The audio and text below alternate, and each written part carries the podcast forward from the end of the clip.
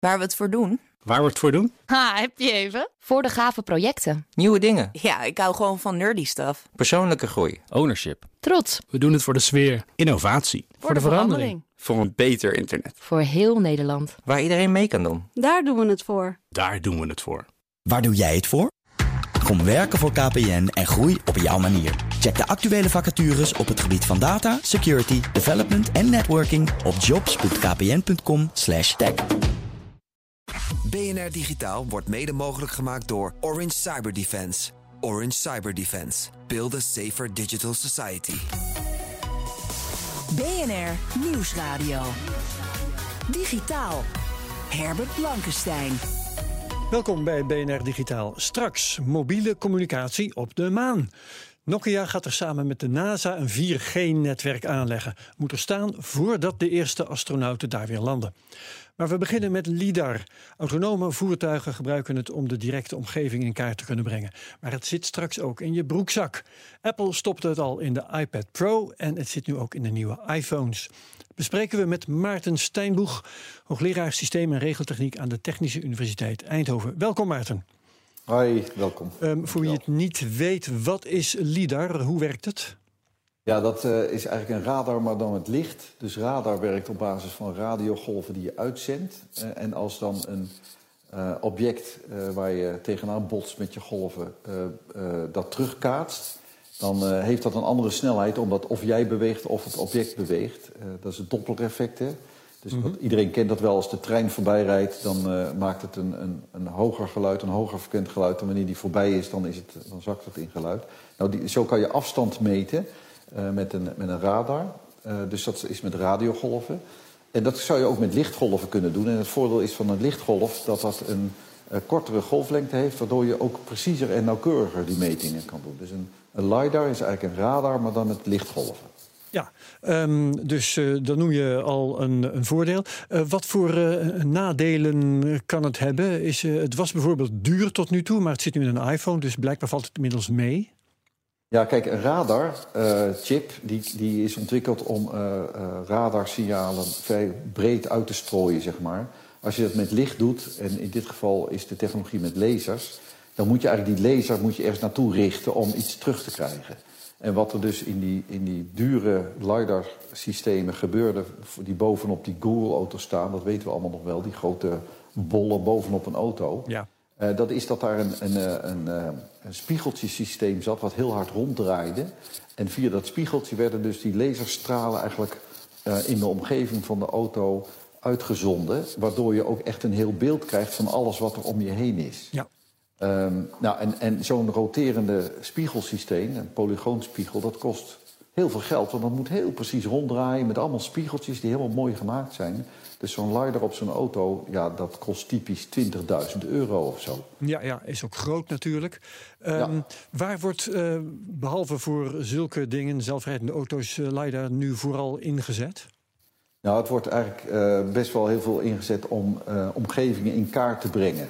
Dus uh, bijvoorbeeld om onderwaterobjecten te bekijken, maar ook uh, in, de, in, de, in de landmeetkunde wordt het natuurlijk heel veel gebruikt om meting, heel nauwkeurige metingen te doen van, van afstanden en objecten. En, ja. de, dus dat zijn, dat zijn een aantal professionele toepassingen. Um, en wat heel interessant is nu, is dat je dus ziet dat, dat de voorgaande ja, technologische vooruitgang het mogelijk maakt om in plaats van zo'n zo'n ronddraaiende polygoonspiegel... Uh, om iets te maken in chiptechnologie waarmee je vrijwel hetzelfde kan doen. Dus je kan heel veel laserstraaltjes tegelijk uitzenden. Dat is een beetje wat de iPhone heeft gedaan. Dus die hebben een chip gemaakt waar je een hele array hebt van laserstraaltjes. Um, en de ontwikkeling uh, waar een aantal toeleveranciers mee bezig zijn voor de automotive sector, bijvoorbeeld Bosch...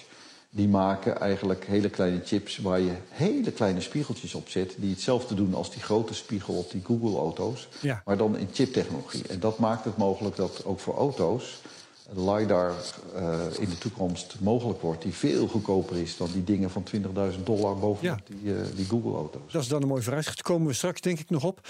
Um, Ja. Maar wat kun je daar nou eigenlijk mee in een iPhone?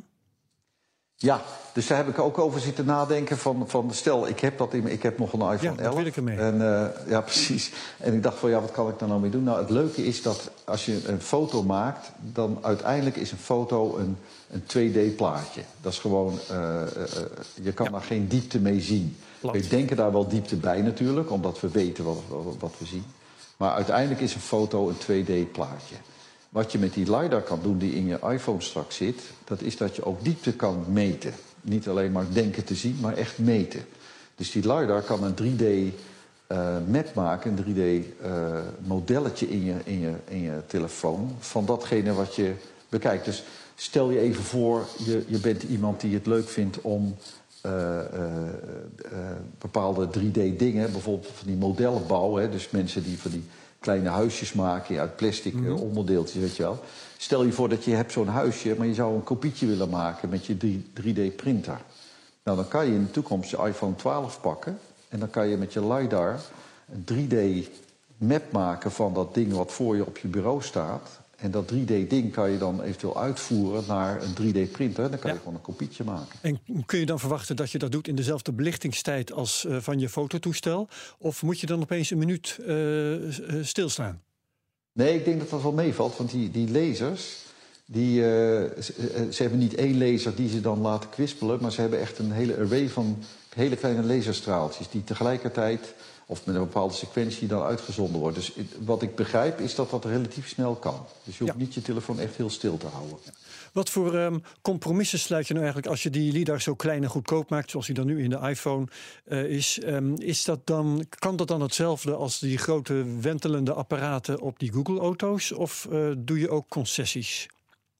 Ja, daar zie, daar zie je echt wel weer het verschil tussen een, een automotive product en een consumentenproduct. Kijk, bij die iPhone is de, de specificaties, als ik die zo bekijk van de iPhone 12 en, die, en de iPad Pro, dat is typisch tot maximaal 5 meter dat je een, een, een redelijk eh, duidelijk beeld kan krijgen. Bij die autotechniek eh, moet je echt wel proberen om 50 tot 100 meter ver te kijken, anders hebben we er gewoon niet zoveel aan. Ja, ja, ja. En, eh, en, en die automotive toepassing, men, sprak, men spreekt eh, eh, over dat, dat die LiDARs in die auto's voorlopig nog orde grootte 2 tot 300 dollar zouden moeten kosten. Ehm, terwijl vroeger, hè, tot nu toe, kosten ze 20.000 dollar. Dus dat is een factor 100 al naar beneden. Maar ik denk dat die, dat die eh, chips die in je, in je iPhone straks zitten... Ja, die, die, die gaan niet meer dan 20 dollar kosten, denk ik, voor, voor Ja. Apple om ze daarin in te zetten. Want anders zouden ze het ook niet doen, want dan wordt het hele apparaat gewoon te duur. ja. En geeft het Apple ook een voorsprong? ehm, en, en gaan andere eh smartphonemakers nu gedwongen zijn om dit er ook in te stoppen? Is het zo Nou ja, belangrijk? dat ligt, eraan hoeveel, ja, dat ligt er een beetje aan hoeveel, hoeveel mensen hier plezier van gaan hebben. Want ik, ja, ik moet je eerlijk zeggen, als ik nadenk over dat ik alleen maar foto's maak... Ja, dan heb je natuurlijk niet echt een 3D-image nodig. maar Maar als 3D je- gaming misschien? Precies, als jij een- gamemaker bent en, eh, en, en of gebruiker van een game... En je, en je hebt daar wel die 3D-informatie bij nodig... of voor augmented reality om dat echt goed te benutten... ja, dan kan ik me voorstellen dat de gebruikersgroep groter is. En ja, natuurlijk, het is met alle leuke hebben dingen zo... Dat, dat als veel mensen het gebruiken... dat dan de andere fabrikanten wel mee moeten komen. Wat het belangrijkste is, is dat als er gewoon omzet komt... Hè, als voldoende mensen een iPhone, uh, iPhone 12 kopen... dan krijg je die economy of scale... en dan worden uiteindelijk die chips worden steeds goedkoper. Ja. En dan wordt het dus voor iedereen, eh, voor alle fabrikanten eigenlijk mogelijk... om vergelijkbare chiptechnologie te ontwikkelen en of te kopen... en dat gewoon in de, in de telefoons te Ja, bouwen. en Dus- dan worden ze weer des te interessanter, kan ik me voorstellen, voor die zelfrijdende auto's. Elon Musk die zweert tot nu toe bij camera's in de Tesla. Gaat die dan ook om, denk je? Ja, ik, eigenlijk als je het me eerlijk vraagt, denk ik van wel. Kijk, want ik, eh, je hebt, in een auto heb je, heb je op dit moment twee, twee soorten van sensoren. Eigenlijk misschien wel drie. De meeste mensen kennen wel dat als ze achteruit parkeren... dat hun auto gaat piepen. Nou, dat zijn ultrasoonsensoren. Die hebben wij in onze voetbalrobots ook, eh, ook zitten. Maar die werken eigenlijk alleen maar op korte afstand. Hè. Dat werkt met geluidssignalen. Nou, wat je, wat je ziet dat is dat de cameratechnologie, ook dankzij overigens de, de smartphones, is de cameratechnologie ook ongelooflijk goed geworden. En daardoor zit het ook in, in alle auto's tegenwoordig. Dus daar zie je ook weer de transfer van de com- eh, consumentenmarkt naar de automarkt. Dus ehm, ja, in mijn auto zitten acht camera's en daarmee kijk je rondom. Maar ja, als het donker is, wordt het al een, meer een probleem. En, Ja. en als het regent, dan zie ik al helemaal niks meer. Ehm, ja, En die camera's dus ook niet. Nou, en dan heeft daar geen last radar. van? Nee, nee en die, die, daar heb je nog radar. Nou, die heeft helemaal geen last van, uh, van regen. Hmm. Ehm, maar daar, die radar is, is niet zo heel precies. Dus als er een, Ja, ja. Zegt, stel dat er een lekke band op de weg voor je ligt, dan, eh, dan, zie, dan ziet die radar dat toch onvoldoende goed. En als je camera's dat dan ook slecht zien omdat het toevallig donker is, dan heb je toch een probleem. Dus ik denk zelf dat die LiDAR echt noodzakelijk is om tot meer autonome functies in auto's te komen. Dus ja, Elon Musk die beweert echt keihard dat hij het niet nodig heeft. Eh, ik vermoed dat hij omgaat, zeker als het gewoon straks bijna net zo goedkoop wordt als, als camera's in je auto. Mooi. Dat gaan we lekker in de gaten houden. Hartelijk bedankt voor deze informatie, Maarten, Maarten Steinboeg, hoogleraar systeem en regeltechniek aan de Technische Universiteit Eindhoven. BNR Nieuwsradio. Digitaal. Herbert Blankenstein. 4G-netwerken op aarde zijn helemaal ingeburgerd, maar straks vind je ze ook op de maan. Tenminste, als het aan NASA en aan Nokia ligt. Nokia heeft een contract gekregen ter waarde van 14 miljoen dollar. Luc van der Nabelen, ruimtevaartdeskundige en mijn collega bij de podcast Space Cowboys. Welkom bij BNR Digitaal, Luc. Hi, dankjewel. Waarom hebben we eh, 4G nodig op de maan? Astronauten communiceren met radio. Wat is daar mis mee? Ehm, het heeft een beetje kleine bandbreedte. Eh, niet zulke ontzettend goede kwaliteit. We kennen allemaal eh, bijvoorbeeld de eh, tv-uitzendingen die de Apollo-astronauten in het begin van de jaren 70 naar aarde zonden. Ehm, als we die nu terugzien, heb je zoiets van: nou, dat is een, echt een hele oude videoband. Ja. Het is onscherp. eh, Dat is geen HD-kwaliteit. Eh, eh, Nee, absoluut niet. Dus ehm, ik kan me voorstellen dat eh, NASA zoiets heeft. Zeker als mensen langer op eh, de maan gaan verblijven, langere expedities. Dat je precies wil eh, kunnen zien wat ze doen. Eh, ook bijvoorbeeld als er technisch iets eh, misgaat en eh, eh, een astronaut zet bij wijze van spreken een camera op zijn schouder. Ja, dan wil je inderdaad ook wel de kleine stekkertjes en toestandjes kunnen ontwaren op aarde. Vandaar dat er eh, behoefte is aan, eh, aan vooral een betere beeldkwaliteit. Ja, en hoe willen ze dat dan gaan doen? Ik begrijp dat over twee jaar, als er nog niet eens astronauten zijn, dat dat netwerk daar al eh, gebouwd gaat worden. Ja, nou ja, netwerk is eh, misschien een beetje een, eh, een te brede term.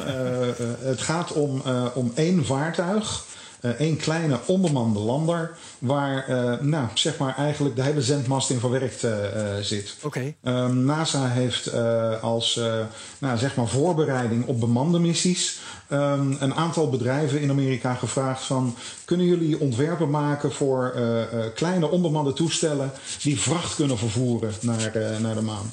Nou, een van die eh, dingen is, eh, een van die bedrijven is eh, eh, Intuitive Machines. En eh, die zijn bezig om een, eh, eh, een soort prototype lander te maken.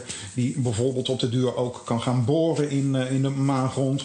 Maar ze willen dus, Nokia wil ehm, eh, een eerste eh, 4G-zender, zeg maar, gewoon integreren in dat landingsvaartuig. En op het moment dat die verankerd is op de maan, ja, wordt dat in bedrijf gesteld. En is dat, zeg maar, het eerste onderdeeltje van een, van een netwerk.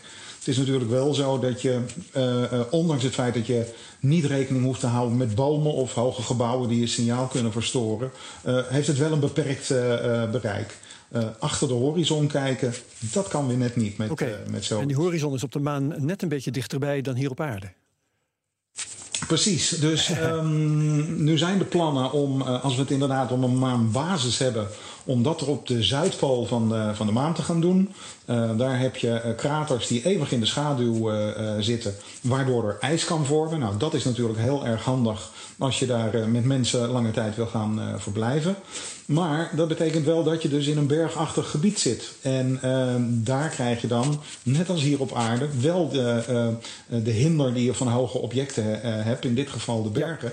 Dus dan zou je toch al met meerdere landers moeten gaan, eh, gaan werken. Maar Ja. nou ja, voordat we die, die basis op de maan hebben, zijn we in ieder geval wel een tijdje, tijdje Nee, maar straks staat er dus, ehm, genoeg, laten we zeggen, één eh, 4G-mast. hè.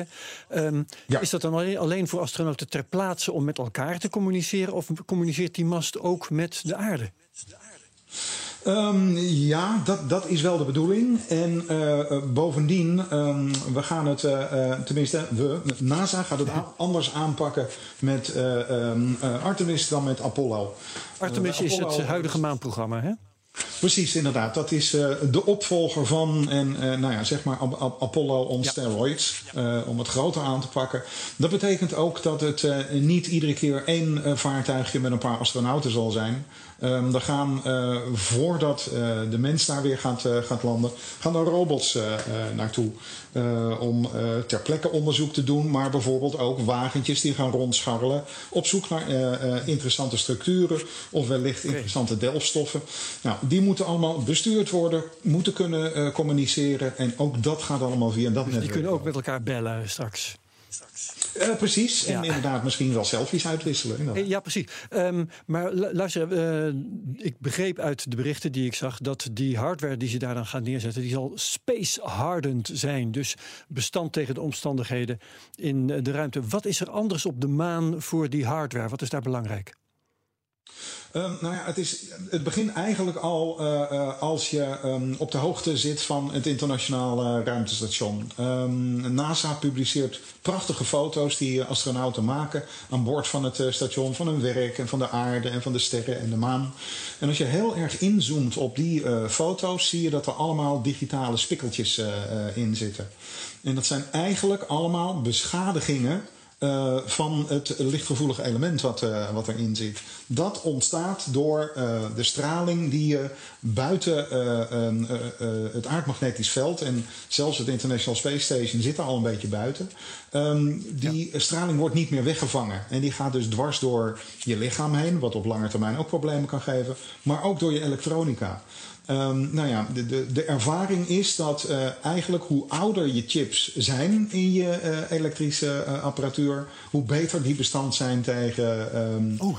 die kosmische straling. Ja, ja, ja. De, de, de, als ze groter zijn bijvoorbeeld, dan hebben ze minder last van die straling. Ja, precies. Dus ja, het is, het is jammer, maar juist in een uh, technologisch geavanceerd thema als uh, ruimtevaart kan je nou juist weer net niet van de allernieuwste elektronica gebruiken. Nee, dus, maar nou ja, dus, ze gaan ze dus ja. space hardened maken. Betekent dat dat ze oude chips gaan gebruiken of misschien toch gewoon wat lood eromheen of iets dergelijks? Misschien wel een, een, combinatie van die twee. Kijk, het opvallende is inderdaad dat ze ook 4G gaan neerzetten op de, op de maan. Niet 5G. Dus inderdaad het, uh, het oude, vertrouwde en zichzelf uh, bewezen uh, systeem wordt, wordt daar gebruikt. Ja. En ja, hier zal het ook doodgewoon weer een, een kwestie van experimenteren en ervaring opdoen worden om uh, spullen voor de toekomst uh, aan te passen en inderdaad beter weerstand te laten hebben ja. tegen die straling. En vacuüm zal geen probleem zijn met wat ik weet wat belangrijk is, maar temperatuur misschien, hitte of misschien wel temperatuurwisselingen? Uh, zeker. Uh, op de maan kom je grofweg van plus 250 tot min 250 graden Celsius tegen. Dat is heel behoorlijk. Um, nou ja, wat dat betreft uh, kan ik me voorstellen dat uh, uh, op de duur er ook voor wordt gekozen om dit soort apparatuur onder een laag maanstof aan te brengen. Dan ben je een stukje van je straling kwijt. En in ieder geval ook die extreme temperatuurswisselingen heb je ja, meer onder controle. Ja. Ze, ze, willen dit in 2022 al op de maan hebben. Over twee jaar gaat dat gebeuren, denk je. Meestal duurt het langer, toch? Of niet? Uh, ja, um, um, je, kan er altijd van uitgaan dat um, er, je er een paar jaar bij moet, optellen. als men het uh, heeft over plannen die verder dan een jaar in de toekomst liggen. het zou nog kunnen dat ze dit wel redden. Maar dan zie ik het meer als een experimentele opstelling en nog niet zozeer gelijk voor operationeel gebruik. Bovendien, de vroegste mogelijkheid dat er nu weer Amerikaanse astronauten op de maan gaan landen is 2024. Nou, ook dat zal wel een paar jaar later worden. En je wil natuurlijk niet dat je um, voor het eerst in 50 jaar weer op de maan landt en met een oud systeem werkt dat het eigenlijk al niet meer doet. Dat er al vijf jaar staat. Precies, inderdaad. Ja. Je wil wel het, het nieuwste van het nieuwste hebben natuurlijk. Dat brengt me op de vraag trouwens. Um, SpaceX is rondom de aarde bezig een internetnetwerk van satellieten aan te leggen een communicatie. Waarom gaat NASA niet in zee met SpaceX en ze doen ze hetzelfde rondom de maan? Um, nou ja, SpaceX moet dat natuurlijk allemaal nog eventjes gaan bewijzen. Um, er is één uh, interplanetaire lancering geweest die SpaceX heeft gedaan. Ehm, nou, voorbeeld was inderdaad dat Elon Musk zijn eigen oude Tesla richting Mars heeft gelanceerd. Ja. Ehm, het is ingewikkelder om iets om de maan te laten vliegen. Het is een endweg. En je hebt daar geen vaste grondstations waar je lekker contact kan maken om de boel te kalibreren en dat soort zaken. Bovendien um, de kans dat voor de komende decennia maanbasis zeg maar aan de kant van de aarde op de maan liggen, het voor ons zichtbare deel, is heel erg groot. En ja, dan heb je er eigenlijk niet zo ontzettend veel aan om allerlei satellieten om de maan te laten vliegen. die voor de helft van de tijd helemaal niks te doen hebben. Want aan de achterkant van de maan daar zullen, uh, zul, NASA uh, en anderen niet heel erg snel uh, doen. Nee, nee, nee. Waar is SpaceX trouwens in de hele maangeschiedenis, het maandverhaal van nu, de maantoekomst? Want volgens mij schitteren ze door afwezigheid. Hoe komt dat? Nou, nou ja, er is, um, er is wel één aspect. Um, NASA heeft uh, drie bedrijven uitgenodigd om voorstellen te maken voor uh, de maanlander, die in 2024 dan de eerste vrouw en de volgende man op de, op de maan moet laten landen. Um, en de lander die SpaceX daarvoor heeft voorgesteld, is eigenlijk gewoon een afgeleide versie van Starship het schip waar ze op het ogenblik uh, heel veel ontwikkeling aan, uh, aan het doen zijn. Dat ding is een beetje overdesigned. het is een gigantische vehikel, een, raket van 60 meter hoog. Zal inderdaad tientallen tonnen aan materiaal mee kunnen nemen. Maar dit gaat nog wel eventjes duren. nogmaals, het is een mhm. afgeleider van Starship. Daar ligt de prioriteit. Uh, Starship gaat hopelijk volgende maand uh, zijn eerste lancering naar iets van 15 kilometer hoogte meemaken. Ik denk dat SpaceX te laat klaar is met zo'n maan-Starship.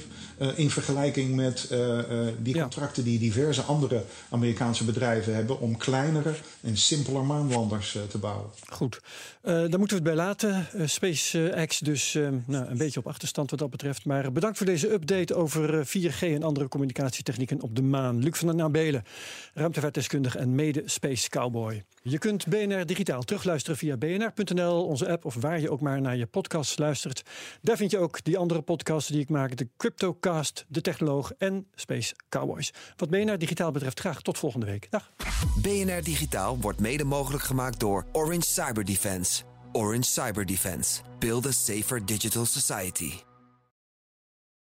Ook Thomas van Zeil vind je in de BNR-app. Je kunt live naar mij luisteren in Zaken doen. De BNR-app met breaking news, het laatste zakelijke nieuws... en je vindt er alle BNR-podcasts, bijvoorbeeld Het Nieuwe Geld. Download nu de gratis BNR-app en blijf scherp.